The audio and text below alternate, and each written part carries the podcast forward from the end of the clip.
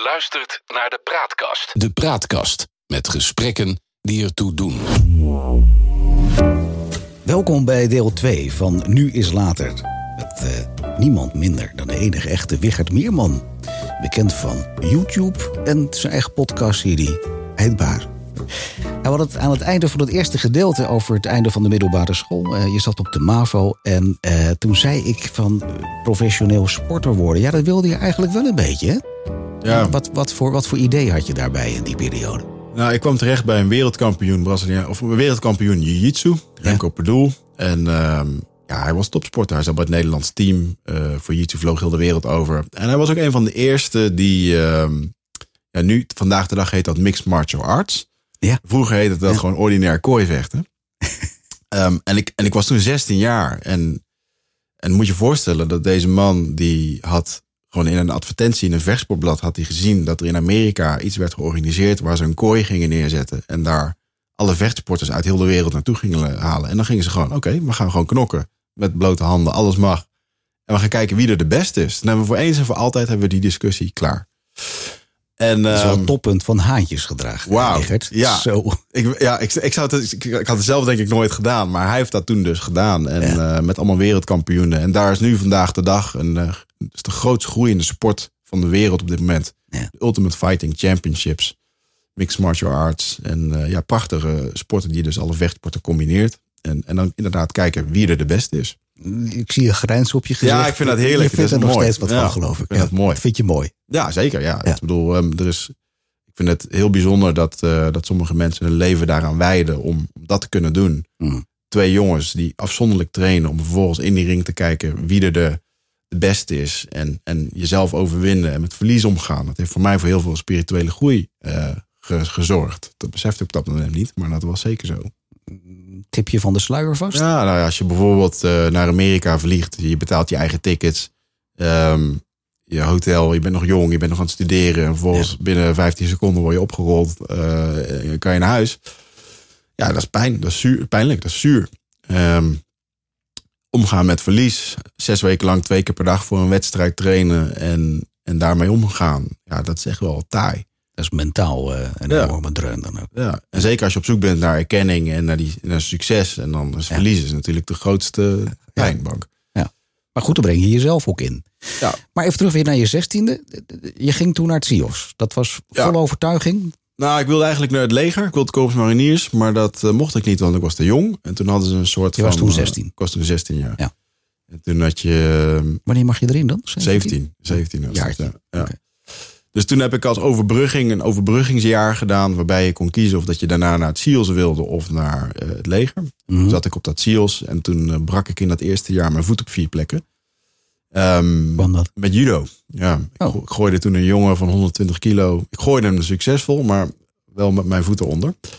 Dus die, eh, die brak mijn voet. En toen, ehm, De worp was geslaagd, maar de Ja. consequenties waren groot. ja, die Ja. prijs was wel hoog, ja. En toen gaf het lopen wel echt een probleem. En ik denk ook, ik denk ook dat, dat ik in een omgeving zat die ehm, mij niet stimuleerde om, om daar echt vol voor te gaan. Ik denk dat er nog twijfel in mij zat of dat ik dat wel echt wilde en echt kon. En, Ja.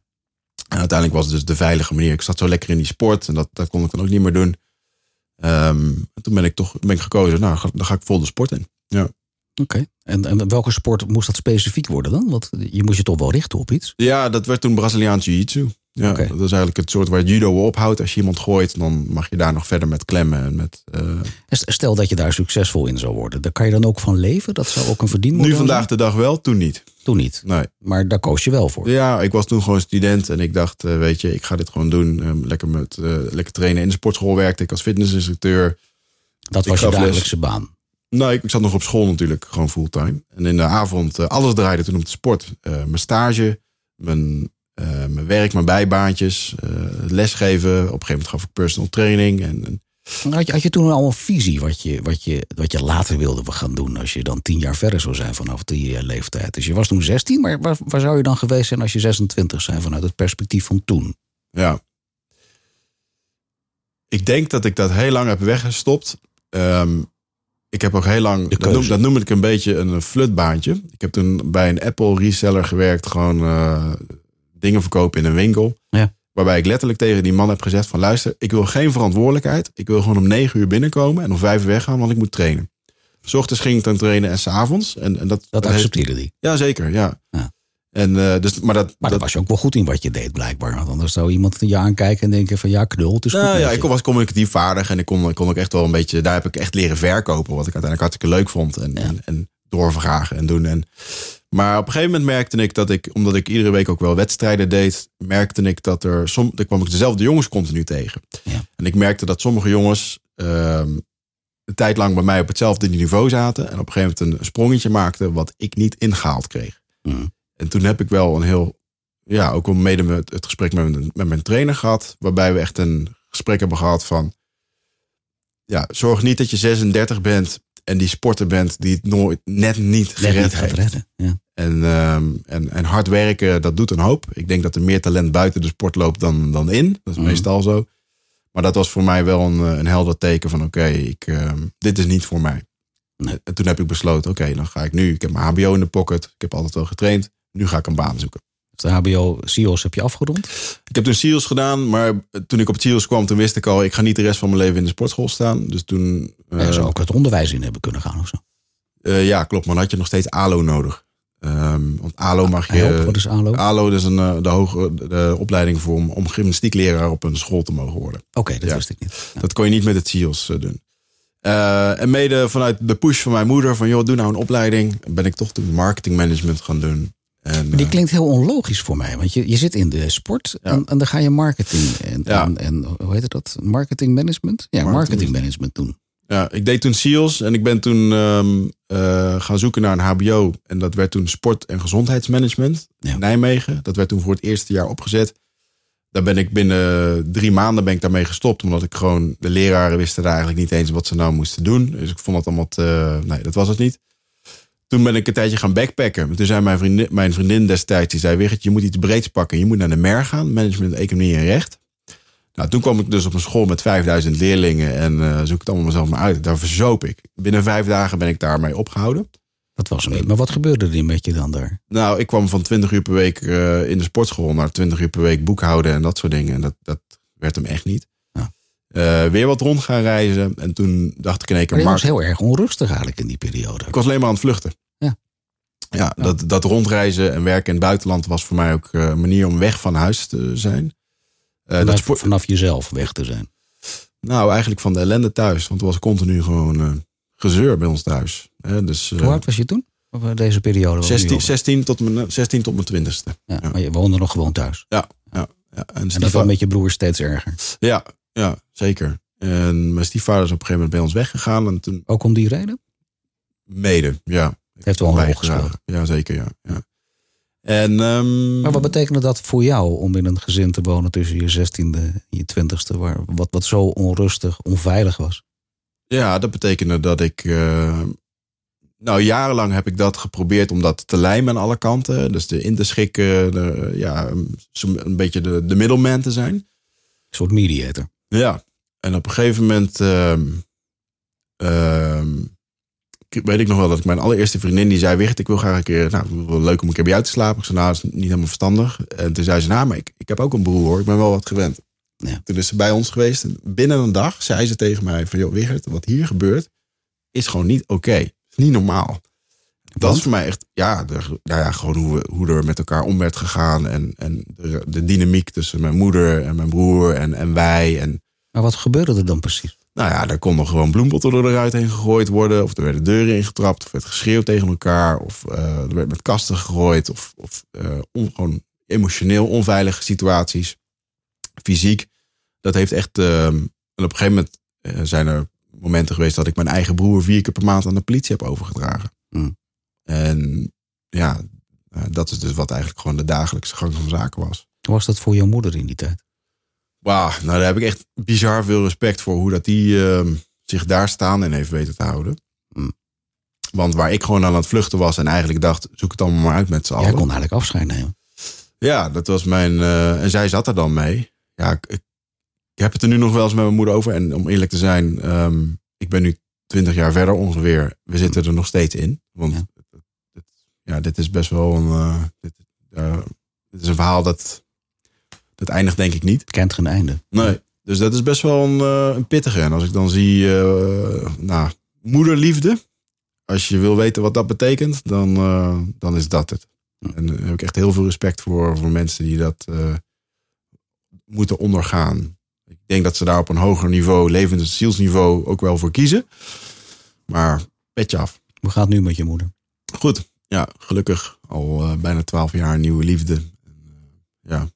En met je broer? Ehm, heeft net weer een hele moeilijke periode gehad.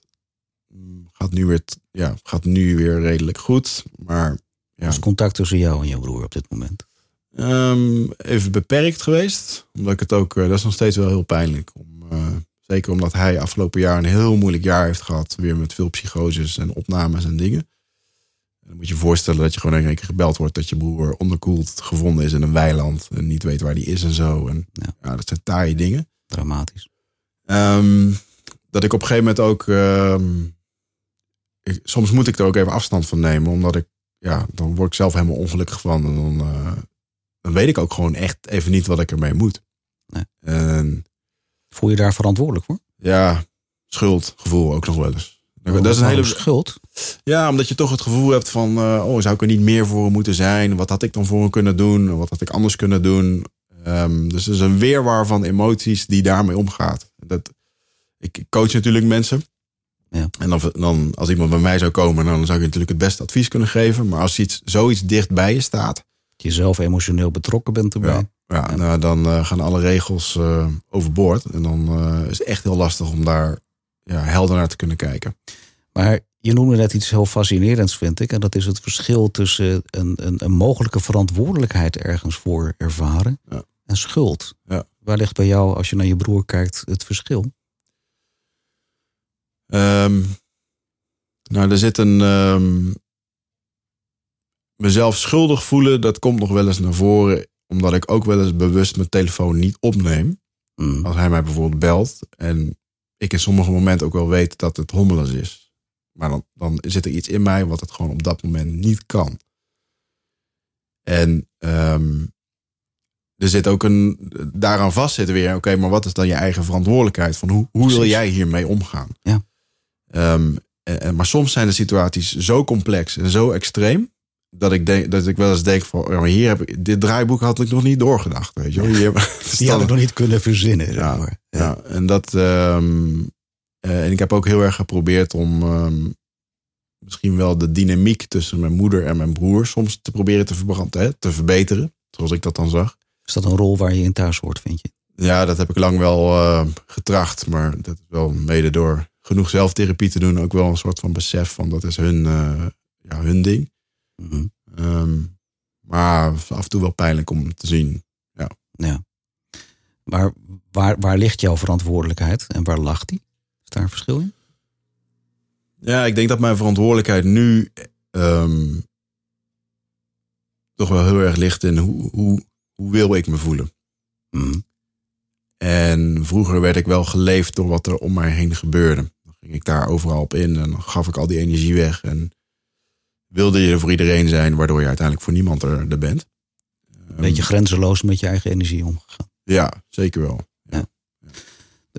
Wat is daar de kentering in ge- geweest? Dat je daarin een andere afweging bent gaan maken ten opzichte van de situatie met je broer? Ja, ik ben ehm, op een gegeven moment bij, eh, ben ik gaan werken. Eh mijn echte baan. Toen kwam ik bij een multinational terecht. Waarbij ik op jonge leeftijd, relatief 28 jaar, veel geld verdiende. En echt in die kooi zat van de financiële dienstverlening.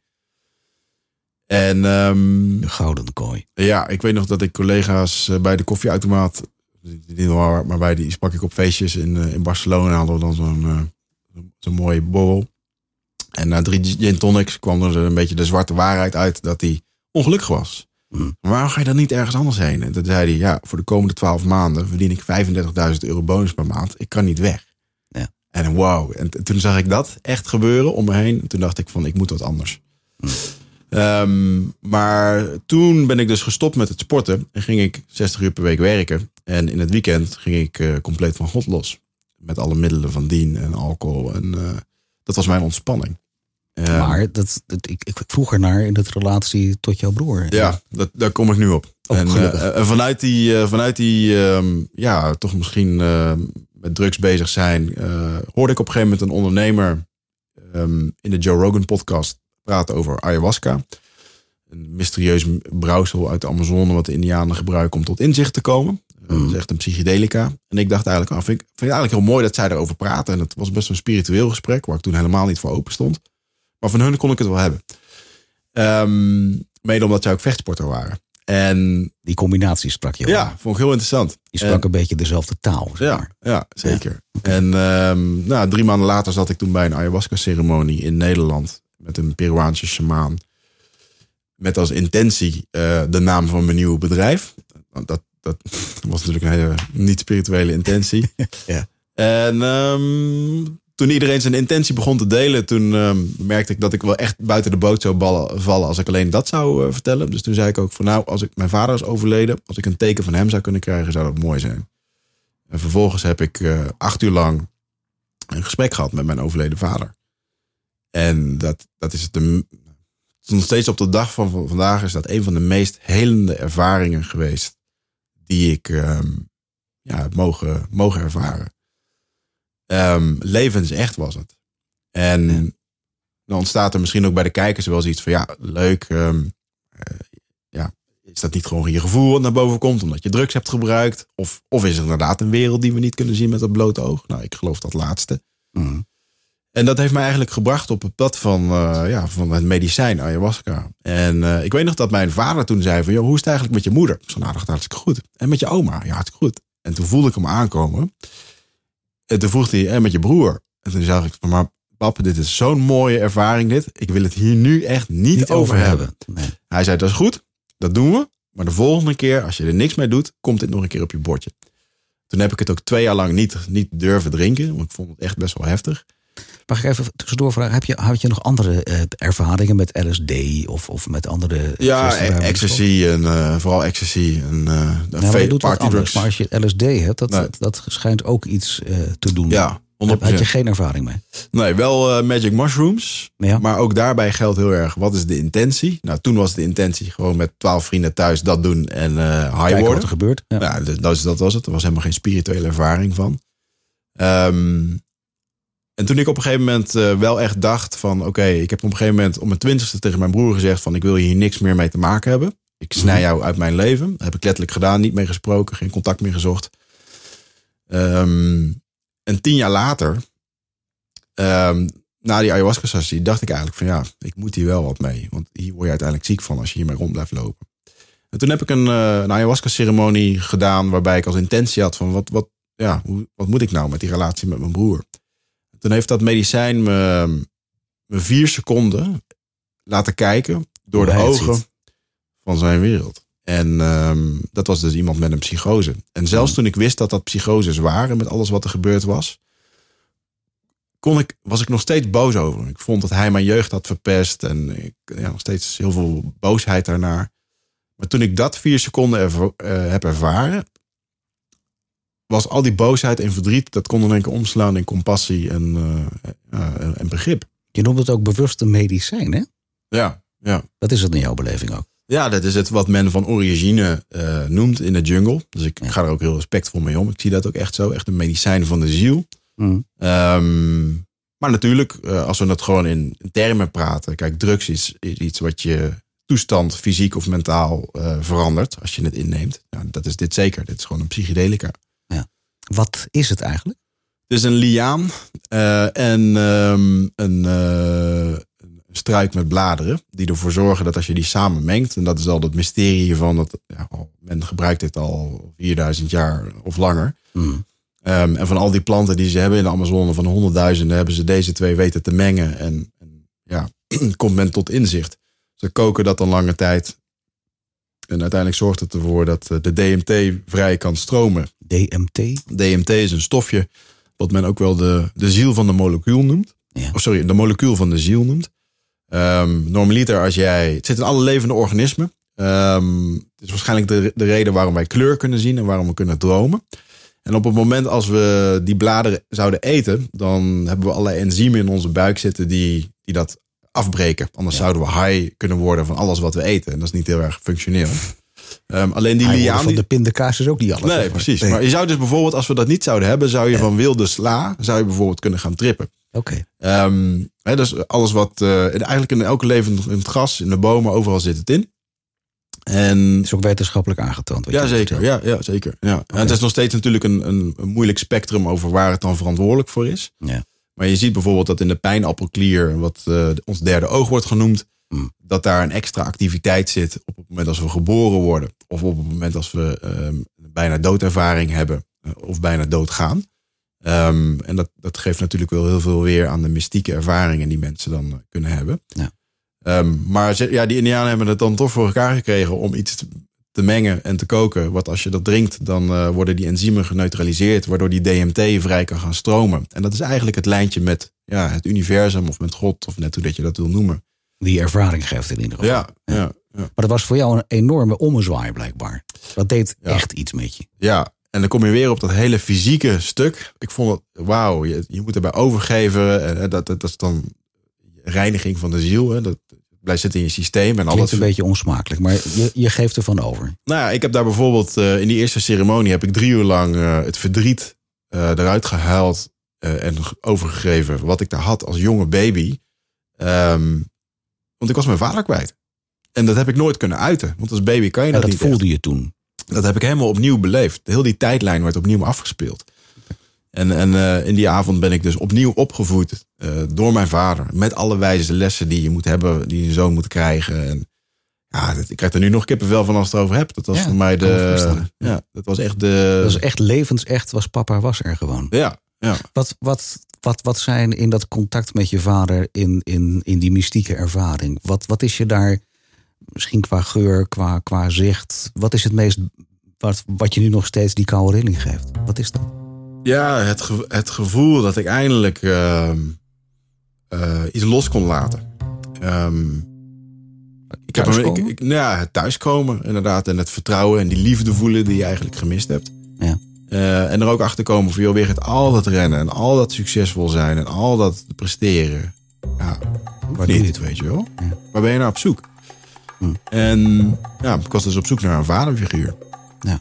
En ehm, ja, dat is voor mij een hele helende ervaring geweest. En dat heeft mij dus op het pad gezet van eh, het medicijn. Het medicijn. Ja. Zometeen in deel 3 gaan we verder over het medicijn. Want het is voor jou een levensbepalende ervaring geweest in ieder geval. Dankjewel, Wigert. Graag tot zometeen in deel 3.